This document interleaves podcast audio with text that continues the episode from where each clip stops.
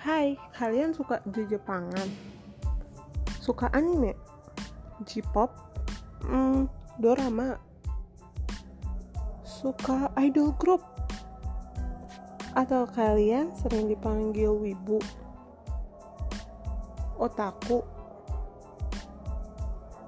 Atau kalian baru ingin mengetahui hal tentang Jepang?